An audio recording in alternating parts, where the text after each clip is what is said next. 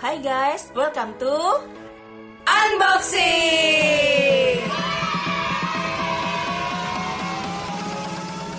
Unboxing adalah podcast yang dibuat oleh Youth Impact untuk memperlengkapi kita sebagai anak muda. Hari ini masih dalam tema family bagian yang ketiga, kita akan bahas tentang persaudaraan. Selamat mendengarkan.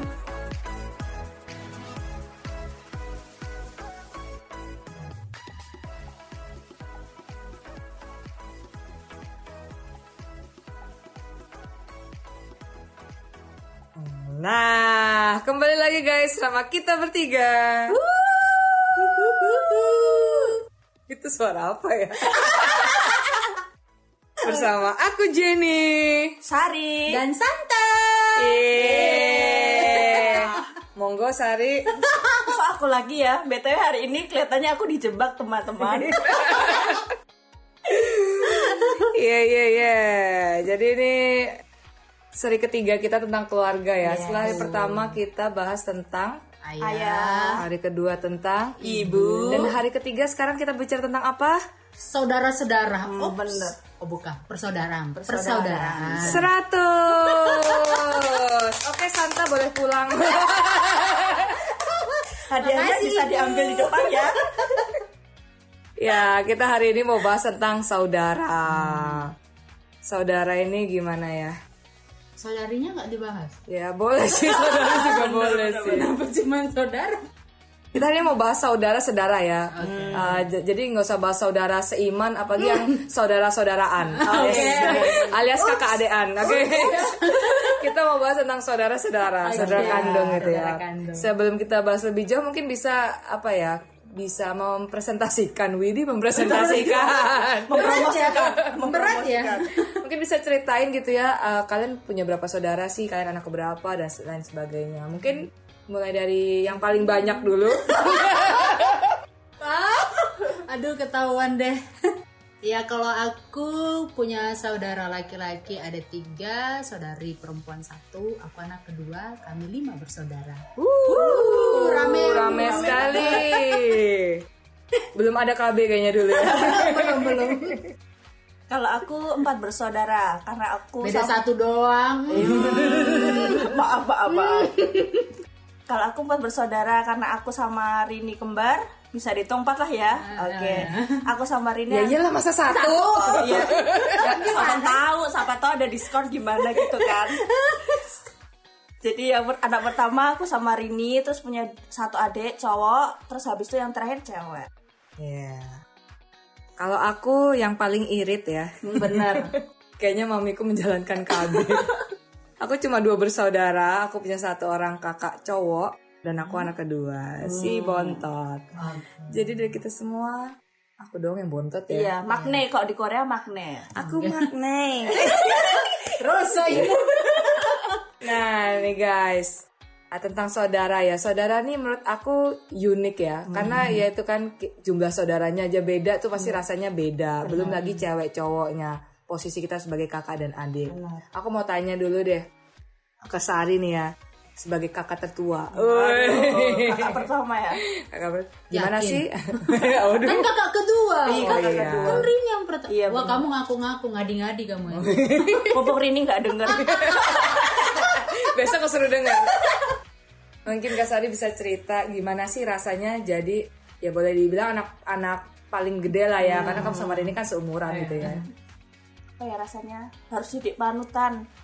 Harus jadi panutan buat adik-adikku. Terus harus kuat deh. Nggak tahu kenapa aku harus kuat buat adik-adikku. Nggak tahu kenapa. Nggak tahu kenapa. Kenapa harus kuat? Merasa merasa harus kuat buat adik-adikku. Ah, jadi, jadi- contoh yang baik. Jadi kamu tiap hari latihan barbel berapa kilo biar kuat? Nggak usah aku lari kok, lari kok. Kuat Lari dari barber. kenyataan. Lari dari kenyataan bener. tidak tidak anak Tuhan tidak boleh lari dari kenyataannya. Maaf ya guys, hari ini episode Banyak banyak ketawa. Banyak banyolnya. Jadi kamu ngerasa kamu harus kuat. Hmm, nggak juga sih. Lebih mengayomi lah, mengayomi. Ayomi. Buat adik-adikku. Kalau boleh cerita emang kenapa adikmu perlu diayomi? Apa ya? Jadi mikir kan aku di podcast kali ini banyak mikir. Apa ya? Kamu dijebak sama Jenny emang. Mungkin bisa cerita dulu lah adikmu emang beda usianya berapa, gimana, tantangannya apa. Kan kamu punya adik dua nih kan beda cowok sama cewek. Apa sih gam apa gampangnya mana cowok adik cowok nih gimana, sulitnya gimana, kalau cewek gimana? kalau misalnya itu sih kok yang cowok kan keras banget adik yang cowok ini jadi kayak lebih harus bener-bener tahu nih cara menangani dia tuh gimana. Kalau yang cewek? Mungkin supaya nggak keras direndam. Astaga guys. Astaga guys. Aku tidak kuat dengan podcast ini. Receh sekali kamu Receh Oke lanjut lanjut. Maaf guys. Biar kita nggak sepaneng guys. Jadi seminggu ini udah banyak sepaneng Jadi ini refreshing Oke guys. oke. oke. Kalau ya cowok ya karena wataknya keras jadi harus tahu gimana cara maksudnya ber, eh, berhadapan sama dia. Jadi kayak misalnya dia misalnya marah terus keras berarti aku harus cari misalnya jadi pribadi yang bisa oh jangan kayak gitu kayak gitu. Terus kalau yang cewek lebih ke jadi teman sih sama-sama jadi teman tapi kan emang pribadiannya beda jadi harus punya tantangan sendiri buat menanganinya. Aduh menangani kayak operasi coy. Menangani Kamu sendiri pernah nggak sih ngerasa ter Apa ya Keberatan gitu da- Dengan posisimu sebagai kakak paling tua pernah sih tapi nggak pernah sih tapi nggak ini sampai yang benar-benar keberatan banget. Nggak cuma mikir kan berarti nih misal kok misal aku jadi kak tertua apa anak anak paling tua kan jadi kayak aku harus jadi contoh lah buat adik-adikku adik-adikku. Terus habis itu kok misalnya ibuku misalnya besok udah nggak bisa biayain adikku nih berarti otomatis aku kan yang biayain adik-adikku. Tapi sampai sekarang ini mesti belum jadi beban sih mesti kayak masih dipikiri sambil jalan. Oh jadi ya kamu ngerti tanggung jawab itu Tapi nggak sampai jadi beban lah ya, Benar. gitu ya Mantap makasih kakak iya Oni Sari iya Kalau Kak Santa nih sekarang yang banyak. Kalau Kak Santa kan boleh dibilang in the middle. gitu kan. Dia punya sebenarnya in the middle itu malah Willy adekku yang nomor tiga. ya, tapi kan paling nggak punya kakak, punya adik. Jadi Iya tahu sih. rasanya gimana jadi adik dan jadi kakak. Kakak, iya benar. Kalau Sari kan cuma tahu jadi, kakak. kakak, iya benar. Aku belum punya abang-abangan ya? belum Wih, abang-abangan. dibahas lagi hari ini guys Kalau aku cuma tahu jadi adik. Nah, kalau Kak Santa kan ada dua sisi nih. Benar. Jadi em, gimana rasanya? Kalau kita kan ya pasti ya sebagai kakak nih kadang tuh ngerasa ih nggak adil. Adik biasanya selalu paling dibelain.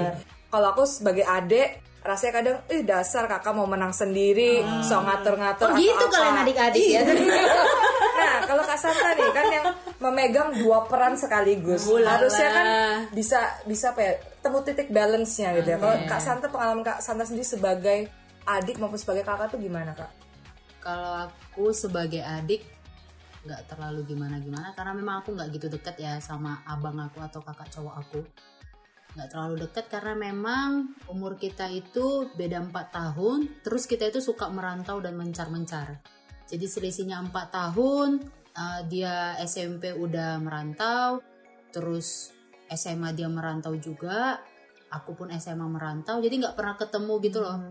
Malah aku lebih sering interaksinya itu sama adik aku yang nomor 3, nomor 4, nomor 5 gitu. Kalau nomor 3, nomor 4, nomor 5 udah pada tahu lah pasti ya udah pada tahu. Willy, Tera, Memo, nah itu kan mereka semua memang di depan aku tuh dari SMA kayak Willy tuh SMA di depan aku, Tera juga sekarang, Memo juga sekarang semuanya SMA di depan aku dan memang lebih banyak interaksi sama mereka.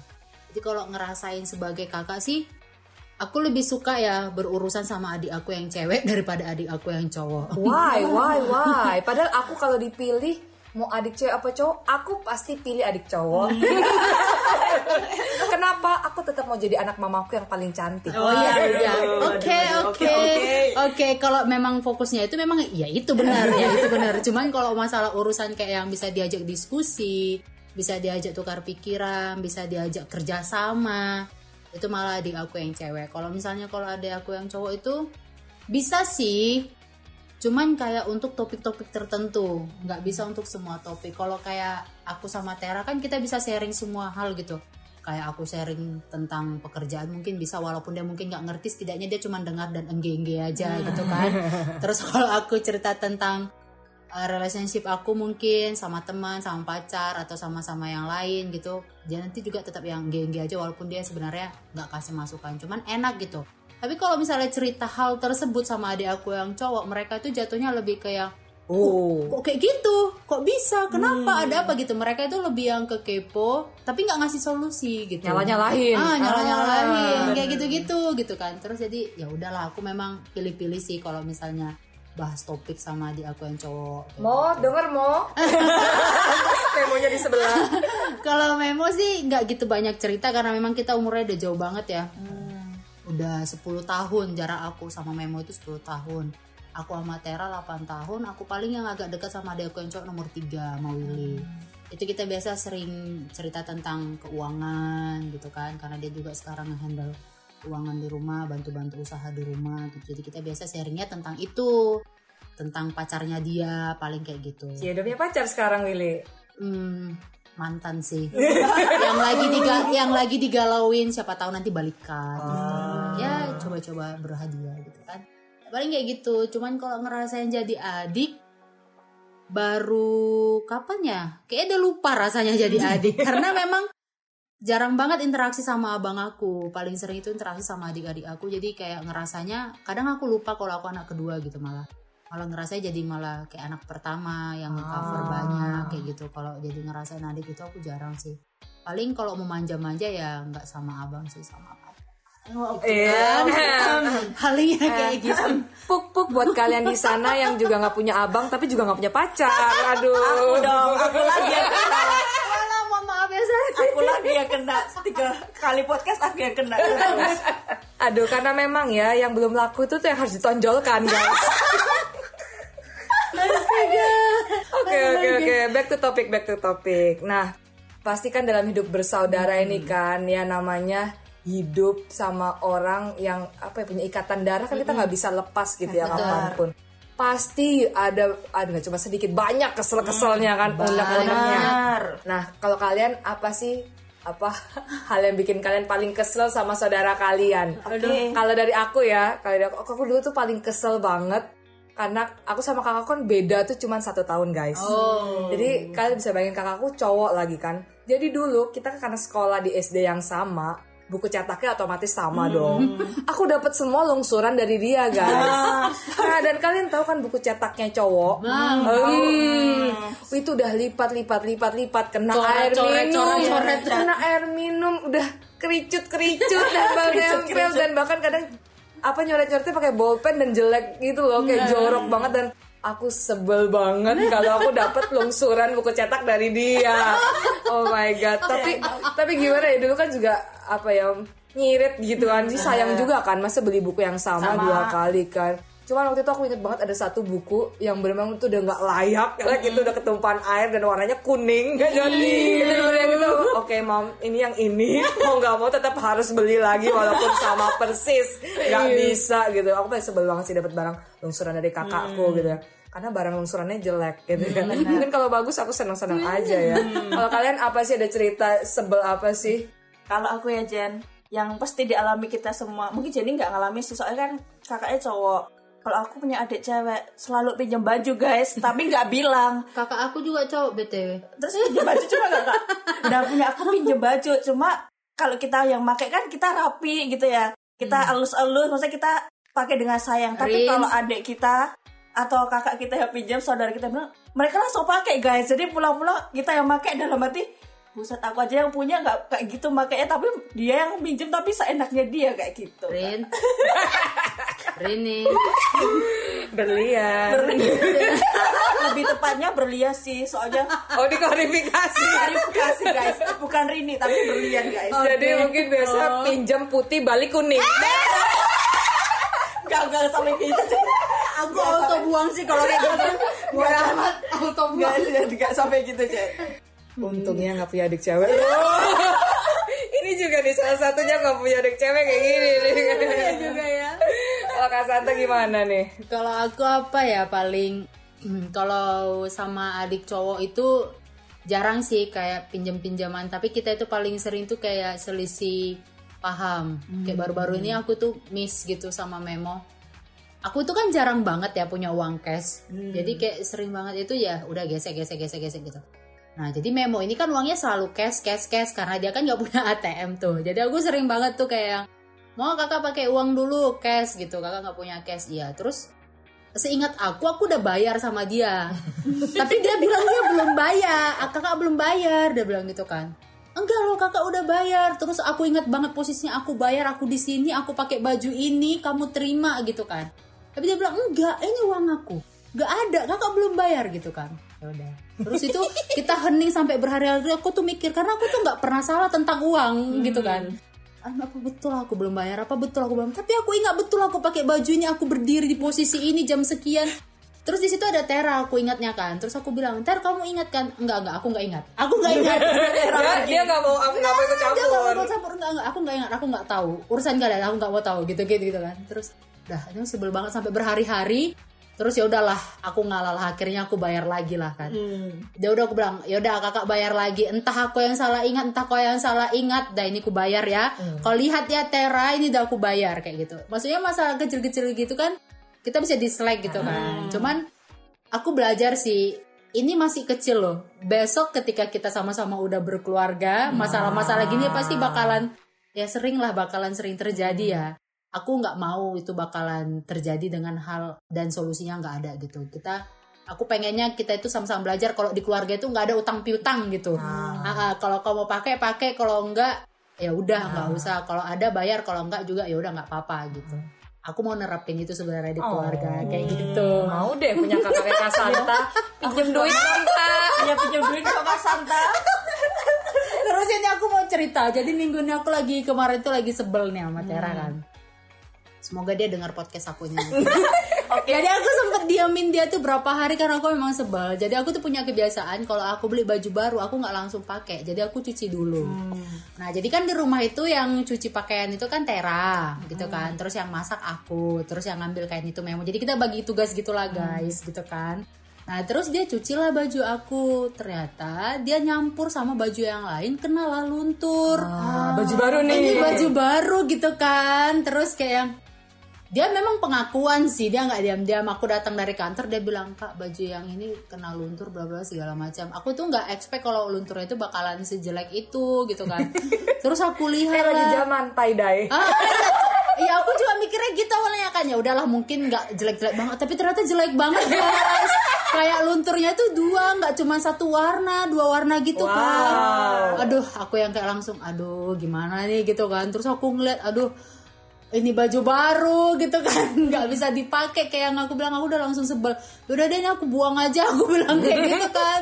Terus dia juga kayak yang emosi udah jangan dibuang nanti dicuci juga nah nah nah nah, nah, gitu gitu kan terus aku udah sebel aku ngadu lah aku bilang sama pacar aku aku bilang ini aku fotoin baju aku itu baju yang kemarin aku beli kok ini malah kena luntur gini gini gini, gini.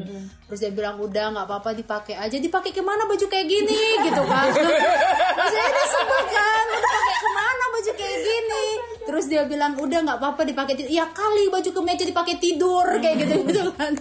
Udah lah aku udah sebel akhirnya tetap aku pakai kan. Maksudnya kita tuh sempat hening dua hari itu hening kayak tidur itu belakang belakangan terus ada satu malam guys aku tuh udah tidur memang cuman kayak masih masih inilah masih sadar sedikit kan.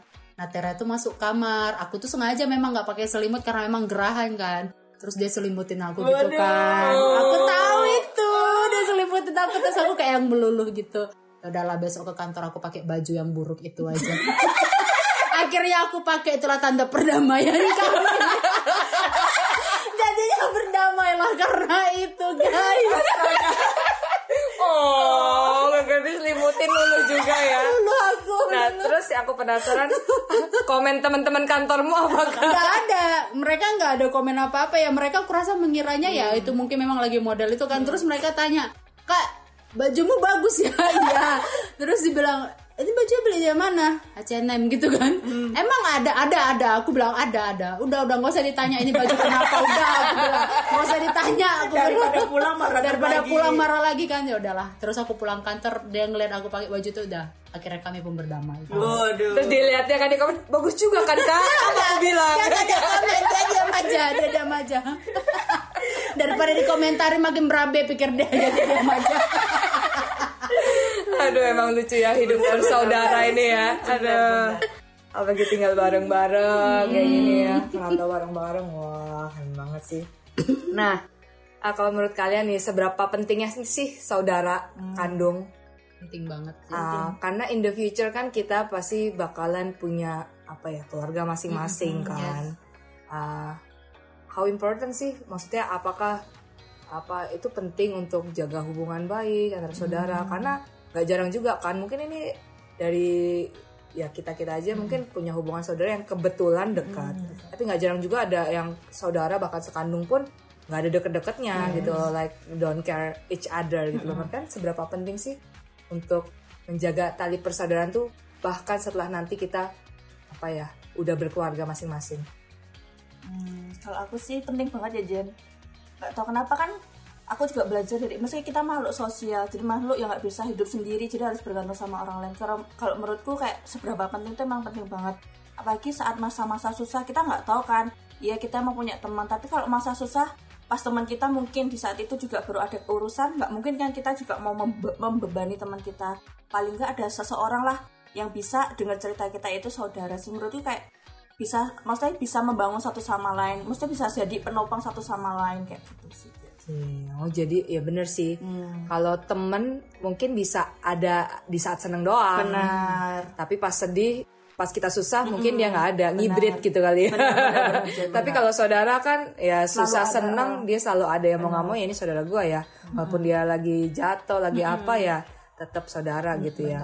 walaupun ya kadang nggak jarang juga sih ya ada saudara yang meninggalkan. Ada kalau dari Kasanta sendiri nih Kalau menurut aku penting penting pakai banget banget banget. Kayak gitu. Karena nggak tahu kenapa ya di usia aku yang sekarang itu kayaknya prioritas aku paling utama itu Tuhan habis itu keluarga. Terus teman sahabat yang malah yang terakhir itu sekarang pacar gitu. Karena nggak tahu ya karena menurut aku relasi yang bisa termasuk panjang itu yang aku sebutkan tadi gitu. Dan kita kan nggak bisa hidup sendiri juga. Sampai kapan pun aku bakalan perlu bakalan penting bakalan butuh sama saudaraku ini gitu. Jadi yang aku sering bilang ke adik-adik aku juga kayak ketika nanti kita udah menikah kita udah sama-sama punya keluarga dan punya kehidupan masing-masing dan ketika ada satu titik satu momen kita ingin terpecah belah hanya karena satu hal please ingat kalau kita pernah sama-sama tinggal di Jogja kita pernah sama-sama makan pakai garam kita pernah sama-sama merasakan awal bulan dan akhir bulan. Jadi itu jangan dilupain gitu loh. Dan jangan juga eh, menjadi satu hal yang membebani kalian yang artinya wah kenapa kenapa nanti keluarga aku harus diutamakan daripada keluarga inti kalian. Enggak enggak yang harus kayak gitu. Tetap diingat aja kalau kita itu masih terikat dalam rasa kasih sayang rasa saling peduli yang ini nanti yang bakal menguatkan dan apa ya menurut aku pencapaian terbesar menjadi orang tua adalah ketika anaknya hidup rukun bersama gitu ya enggak sih bener sih bener Ya kan, aku juga kalau tanya mamaku tuh, ma apa sih yang mama pengen dari kami? Mamaku tuh pasti bilangnya nggak ada ya kalian baik-baik aja. Ketika kalian nanti menikah, ketika nanti kalian punya keluarga, punya anak, mama punya cucu banyak, cucu cicit dan sebagainya, kalian bakalan tetap bisa saling nge-cover satu dengan yang lain. Itu itu menurut aku dari penjelasan mamiku yang seperti itu aku merasa oh ternyata pencapaian orang tua yang terbesar itu itu. Bukan mereka berharap supaya anaknya punya titel yang bagus, kerjanya mantap dan sebagainya. Enggak. Cuman ya itu tadi supaya kita punya keluarga terus punya saudara yang benar-benar bisa saling nge-backup jadi menurut aku itu kan nggak bisa dibangun dalam satu hari ya Jen ya. jadi itu memang harus dibangun setiap hari. Kalau misalnya sekarang belum dekat sama eh, adik kakaknya ya bisa dicobalah untuk mulai membangun komunikasi Betul sih. Hidup rukun lah ya, hidup rukun antar saudara. Nah kalian pernah nggak sih guys kayak apa rasanya sebel tapi yang benar-benar berkelanjutan banget yang kayaknya tuh apa ya sampai apa ya dengki lah saya gitu sama saudara sendiri ya karena aku kayak pernah gitu sih sama kokoko apalagi waktu dulu waktu masih kecil ya ya namanya beda satu tahun guys Iya lah. Kalian ada nggak yang beda satu tahun kayak anak kembar pun itu kan udah beda satu tahun ya. Apa jadi kayak kita tuh di fase-fase yang sama gitu ya, fase-fase cranky, cranky semua, fase-fase iri-irian, iri-irian semua. Jadi apa ya dulu tuh sampai waktu kecil tuh aku kalau berantem sama koko aku tuh bayangin aku cewek, koko koko cowok, cowok gitu kan. Bisa sampai smackdown, injek injek injekan kepala itu nyata guys. Iya, kita kalau berantem itu gila lah, gokil lah gue. bener-bener gokil. Astaga. mana udah berantem yang kayak buh jotos-jotosan itu. Ada nenek aku ada mamiku tuh udah nggak ada yang dibela karena pasti dua-duanya salah gitu ya. Balas-balas jotos-jotos gitu ya. Bener-bener terus uh, aku juga nggak deket gitu sama sama kokoku dulu waktu masih kecil karena uh, apa ya, interest kita tuh beda. Kayak kokoku lebih ke sport ya dia suka basket suka apa-apa. Aku dulu suka gambar suka ini. Jadi ya dan dia juga tipe yang suka ngejek-ngejek gitu loh Nah sampai akhirnya kita beranjak remaja lah. Ya kalau udah makin gede ya makin jarang lah ya jotos-jotosan sampai smackdownnya gitu. Cuman dulu aku ingat banget apa kita tuh cuma punya satu motor. Nah satu motor itu dipakai untuk untuk kita berdua antara aku sama kakakku. Ini masih SMP tapi dia bawa motor jangan ditiru ya. Guys. Maklum di kampung. Nah jadi itu tuh sering banget. Aku mau mau ke gereja pakai motor motornya dia pakai buat basket dan padahal aku udah bilang gitu misalnya kayak aku mau pakai jam segini. Terus dia tetap aja sesuka hati dia pulang jam berapa. Sebel banget sih nah itu, kan kayak bener-bener yang kayak eh gitu kan lu egois banget sih belum banget belum sih. ada Gojek Grab lagi. Iya ya, sekarang sampai sekarang aja belum ada gojek grab kayaknya di kampung. Iya. Ups, ketahuan banget kampungnya ya.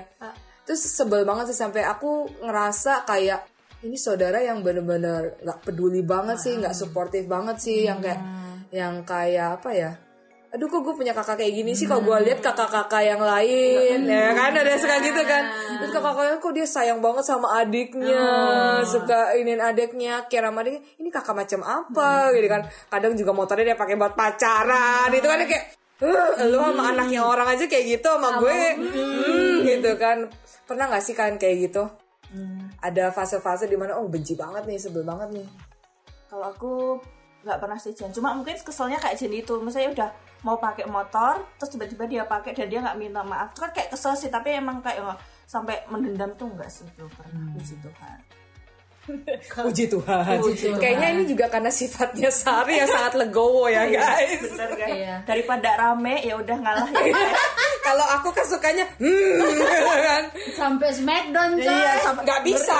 Ngeri banget ya. Nggak bisa.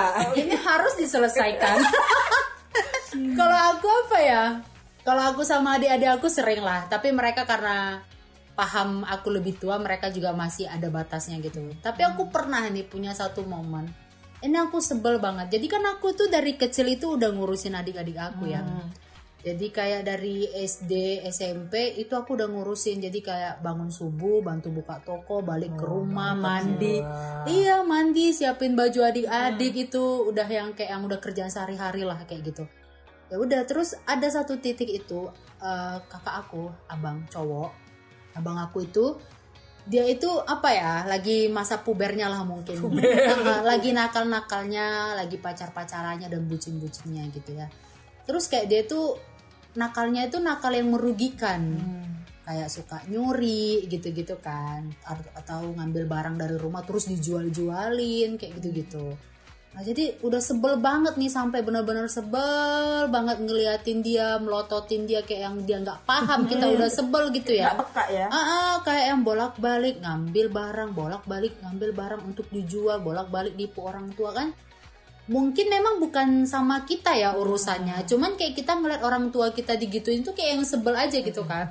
Terus pernah lah dia itu nggak pulang tiga hari, terus tiba-tiba dia pulang. Nah kita mulai curiga nih, mamaku udah telepon kak, itu abang udah pulang ke rumah, nanti minta tolong dilihat ya. Jangan jangan sampai nanti dia masuk ke kamar mami atau dia masuk ke gudang rokok gitu. Nanti dia ambil rokok dan jual dan sebagainya. Dulu kan kami tuh grosir ya. Nah, kayak gitu. Jadi ya udahlah aku jadi amat amati dia lah ya kan Sapam, sapam. Ah, jadi dia tidur di ruang depan, ya aku duduk di sofa ngeliat-ngeliat dia ya kan ke mana kau gitu kan.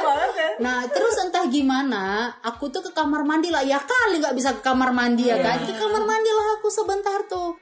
Ternyata hanya karena aku ke kamar mandi dia masuk dia ambil barang dia kabur. Udah dia udah mau udah nyuri lagi nih nyuri. Udah habis itu aku udah kelimpungan lah kan. Wah, aku lihat kamar mami aku udah kebuka, terus aku lihat gudang rokok udah kebuka. Beuh, aku udah nggak tahu lagi. Mungkin di tempat kalian tahu tahu nggak sih yang kalau untuk ini numbuk daun ubi Ah, tahu tahu. Tahu kan yang pegangannya panjang itu itu aku ambil dari dapur biar kalian tahu. Aku kejar dia. Beneran aku kejar itu aku nggak pakai sendal. Aku kejar beneran akhirnya dapat aku lempar ke dia dia berhenti. Aku ambil dan memang udah curi dia weh dia tuh emang udah nyuri. Terus aku ambil udah mau aku matikan dia orangnya betul. Udah mau aku matikan udah. Habis itu udah dapet aku langsung telepon mami aku. Aku bilang mami pulang sekarang abang mau curi bla bla bla segala macam. Udah mami aku pulang. Habis itu abang aku dimarah-marahin sama mami aku. Maksudnya hal-hal yang kayak gitu itu kan lucu ya tapi lucu kalau diingat sekarang Iya, lucu sekarang tapi waktu lucu. kejadian itu Kesel rasanya banget ya. nggak tahu mau ngambil apa nggak mungkin ngambil pisau ya bu ya kan juga coy aku ambil langsung tumbukan daun ubi aku kejar nggak pakai sendal udah fix Oh. Tapi aku juga punya cerita lucu nih. Kalau dulu tuh aku juga sering jadi agennya mamiku. Jadi pakai kasanta gitu ya. Jadi namanya cowok masih SMP nakal banget kan. Sukanya kalau pulang sekolah tuh ke warnet. nah Kalau pulang sekolahnya mungkin jam 1, pulang jam 3 kan masih wajar. Tapi ini udah jam 4, jam 5 belum pulang kan udah nggak wajar ini kan. Biasa aku sebagai agen mamiku dengan dengan upah sepuluh ribu rupiah. Biasanya aku yang goes sepeda ke warnet gitu kan, terus teriak. Kok, kok, disuruh pulang gitu kan. Nah ini satu kejadian, aku udah tahu dia di warnet itu, dia nggak mau pulang lah. Nah, akhirnya bareng mamiku lah, bareng bareng tuh aku antarin temen di warnet, mamiku buka pintu warnet itu dia teriak, kamu bayangin ya itu penjaga warnet semua di warnet tiba-tiba langsung nengok ke pintu tuh zet, dan kakakku nggak noleh.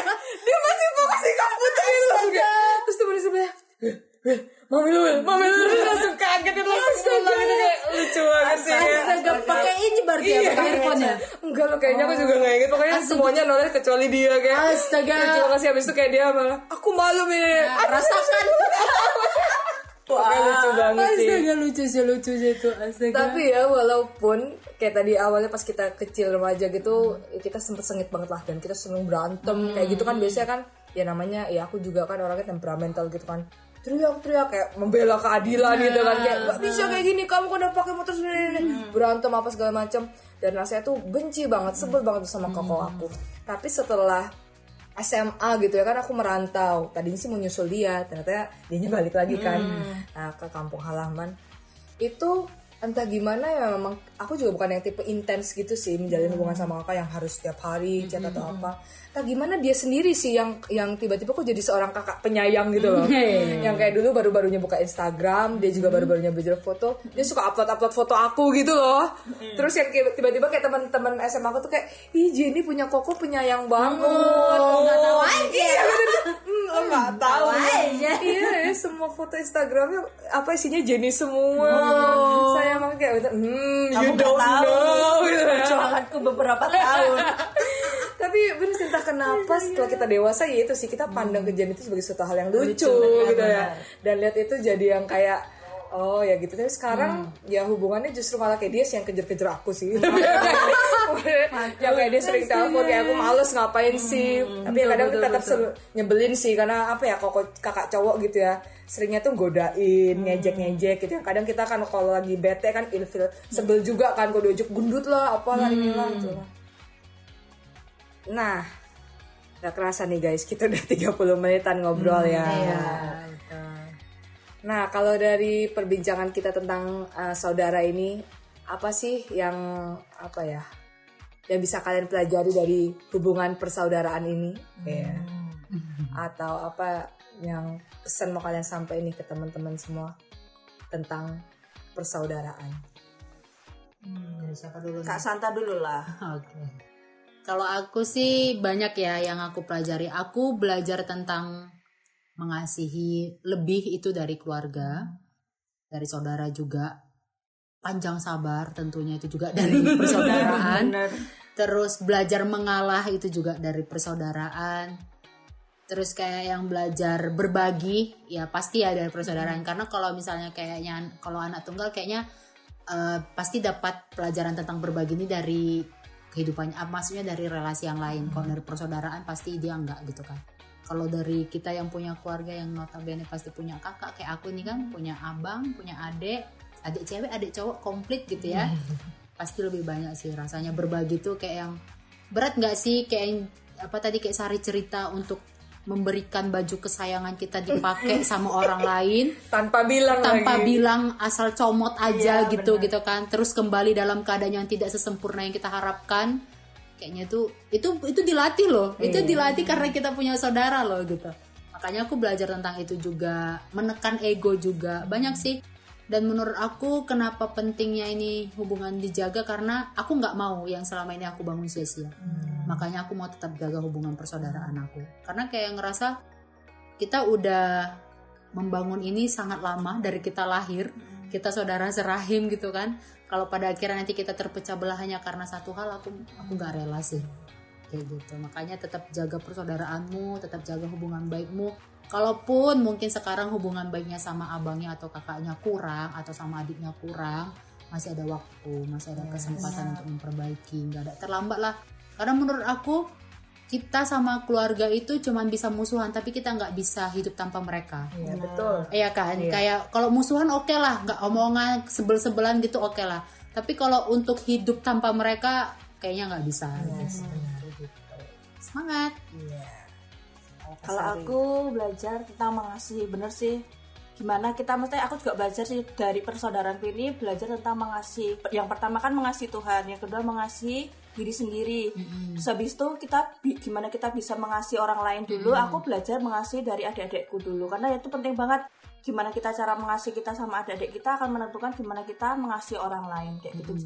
Dan juga belajar banyak mengalah juga. Maksudnya di sini aku juga ber, apa berpikir maksudnya bukan ego tok bukan kemauanku tok yang harus diturutin. Padahal di di bawahku juga masih ada adik-adikku. Jadi aku harus mengalah juga belajar legowo juga. Maksudnya itu pun bukan untuk karena ah biar aku dipandang baik. Nggak. Maksudnya semuanya buat oh ini loh ada masa di saat kita tuh nggak boleh.